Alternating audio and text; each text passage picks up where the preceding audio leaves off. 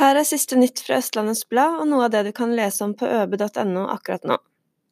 Ramin Irampour i House of Style Home and Office har sett andre forretningsdrivende komme og gå i ski på de 15 årene han har drevet butikk. Vi er stolte over å ha vært her i 15 år, og vil gjerne dele erfaringene vi har til andre som også ønsker å overleve byggeperioden videre.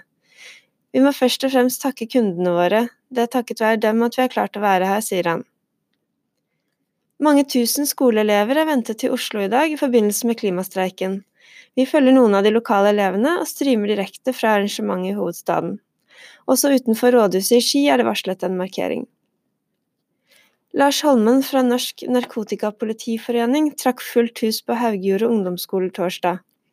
Men før han kom så langt, hadde han sett tagging for syntetisk cannabis på Vevelstad stasjon og funnet en brukt joint utenfor skolen. Det noen av oss og foreldregenerasjonen vår løflet med, er ikke i nærheten av det som finnes i dag. Den rusverdenen barna våre møter i dag, er helt annerledes, sa han. Planene om et 21 etasjer høyt The Well-hotell har møtt motstand. Nå har de forminskede planene med ni etasjer fått klarsignal fra politikerne i Oppegård. Forsvarsbygg har fortsatt ikke tatt noen avgjørelse om hvorvidt Heimevernshuset på Solbråtan skal selges eller ei. Nå anseres det til leie.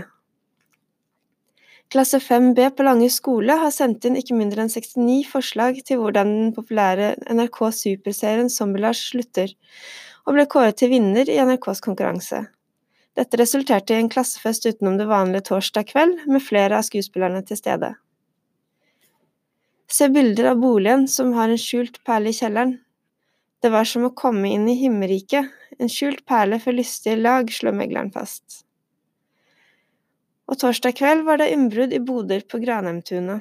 En sykkel med en verdi på rundt 30 000 kroner er blant det som er stjålet. Siste nytt fikk du av Birgitte Henriksen.